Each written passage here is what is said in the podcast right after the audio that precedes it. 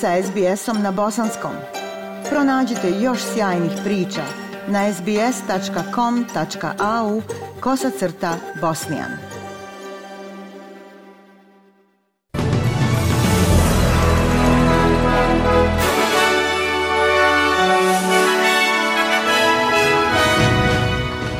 U današnjim vijestima poslušajte Summit COP27 na rubu sporazuma o fondu za pomoć siromašnim nacijama. Premijer Albanizije odbija dati vremenski okvir za poboljšanje odnosa s Kinom. I u sportu šef FIFA Gianni Infantino održao kontroverzan govor u oči svjetskog prvenstva.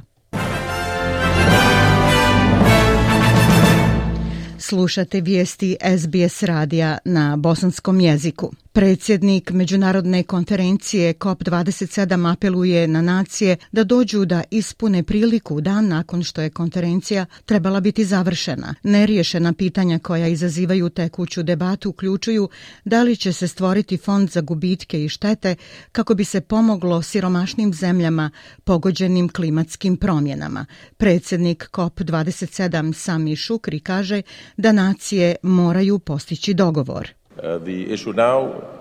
Pitanje sada počiva na volji strana. Stranke su te koje moraju da se izbore sa prilikama i preuzmu na sebe odgovornost pronalaženja oblasti konvergencije i kretanja naprijed. A kolumbijska ministrica okoliša Suzan Muhammad kaže da bi fond za gubitke i štete bez kombinacije čvršćih klimatskih ciljeva bilo besmisleno. We hope to have two things Nadamo se da ćemo imati dvije stvari koje će samit učiniti vrijednim. Jedna ova posvećenost 1,5 sa jasnim odlukama i bez povlačenja. I drugo, da će fond za gubitke i štete biti fundamentalan. Ali jedno bez drugog to nema smisla jer ćemo u suprotnom prihvatiti katastrofu. Mnogi predstavnici manjih nacija koji su pristali na sporazum već su napustili konferenciju.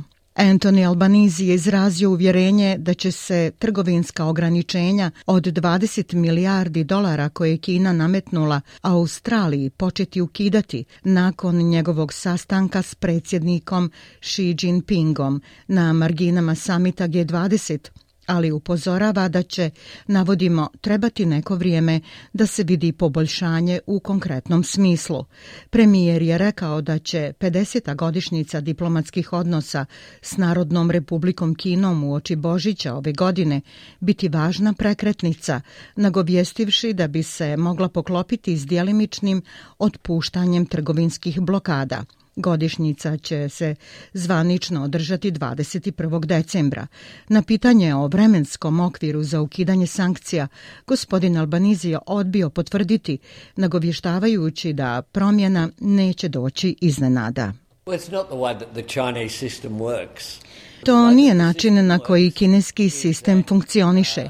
Način na koji sistem funkcioniše je da će birokratija u Kini vidjeti različite promjene u odnosima. Činjenica da sada postoji kontakt između Australije i Kine i te poruke će proći kroz sistem. Sastanak premijera i predsjednika bio je prva formalna interakcija na nivou lidera u posljednjih šest godina. Gospodin Albanizi je proveo proteklih devet dana učestvujući na svom prvom samitu kao premijer, susrećući se sa svjetskim liderima, obnavljajući odnose i unapređujući trgovinske porazume. U Maleziji nakon jučerašnjih izbora dvije stranke tvrde da su pobjedile. Izborna komisija objavila je malo prednosti za premijerskog kandidata Anvara Ibrahima. Međutim, bivši premijer Muhidin Jasin iz stranke Perikata Nacional tvrdi da je pobjedio.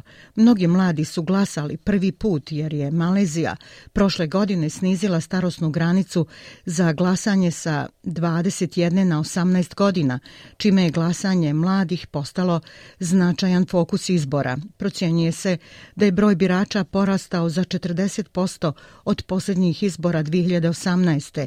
dodajući 6 miliona novih birača. Gospodin gospodin Jasin pripisuje zasluge mladim glasačima za svoju navodnu pobjedu.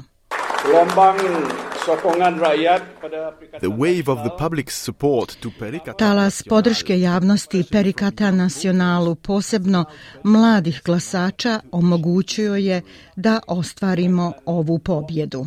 U Hersonu je sinoć projektil pogodio skladište nafte. Dva projektila su navodno pogodila skladište u prvom značajnom napadu na grad od kada su ga ukrajinske trupe oslobodile. Prema lokalnim vlastima, kada je Rusija napustila to područje, uzeli su vatrogasna vozila i vozila hitne pomoći, a vatrogasci su rekli da se sada bore za resurse kako bi odgovorili.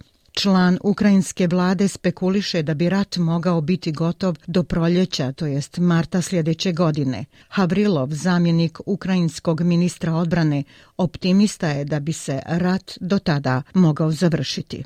We will need some time to build up. Biće nam potrebno neko vrijeme da izgradimo neku vrstu rezervi ili tako nešto i da će Rusija nastaviti da šalje masu ljudi tamo. I naravno, u ovom slučaju rat će potrajati, ali moj osjećaj je da će do kraja proljeća rat biti gotov.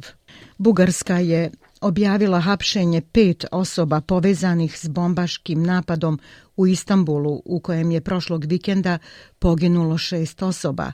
Bugarska policija je saopštila da je pet osoba optuženo za pomaganje jednoj od osoba koji su izvršile bombaški napad 13. novembra na prometnoj ulici u Istanbulu.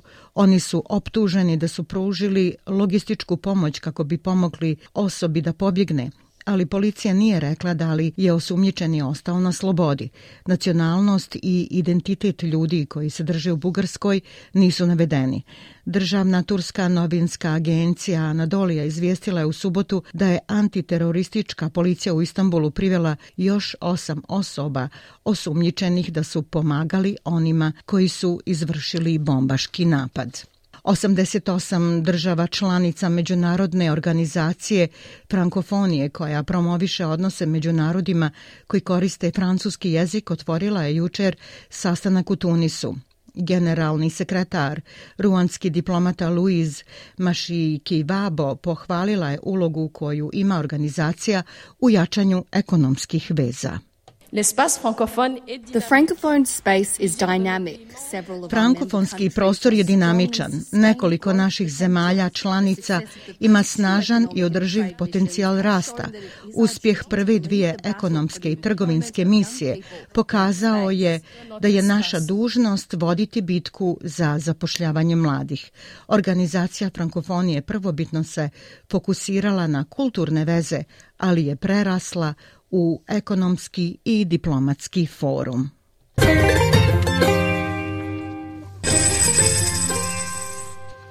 Prema kursnoj listi, australski dolar danas vrijedi 0,66 američkog dolara, 0,64 eura, 0,56 britanske funte te 1,26 bosanske konvertibilne marke.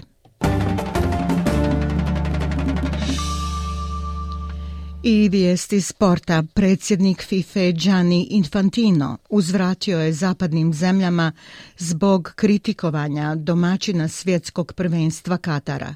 FIFA je napadnuta zbog svoje odluke da odvede turnir u muslimansku zemlju gdje su maltretiranje radnika, migranata i prava homoseksualaca bili u centru pažnje u jednoj posatnom monologu u Dohi u oči svjetskog prvenstva Infantino je uporedio sebe i sve marginalizovane, navodeći da je bio maltretiran kao dijete. Ovako je Infantino započeo svoj govor. Today I feel uh, Qatari. Today I feel Danas se osjećam kao Katarac, danas se osjećam Arapom, danas se osjećam Afrikancem, danas se osjećam gej, danas se osjećam invalidom, danas se osjećam kao radnik, migrant. Znam šta znači biti diskriminisan, da me maltretiraju kao stranca u stranoj zemlji. Kao dijete su me maltretirali jer sam imao crvenu kosu a njegov govor ne prestaje izazivati komentare.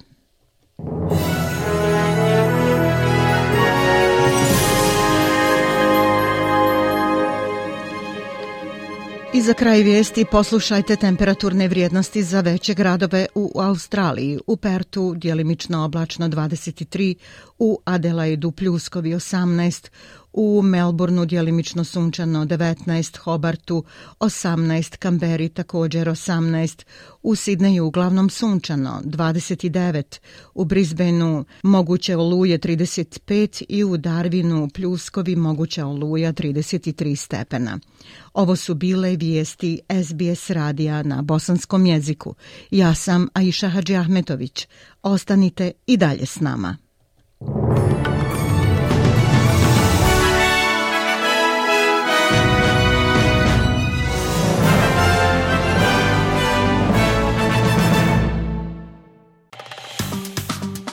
Like, share, comment. Pratite SBS Bosnian na Facebooku.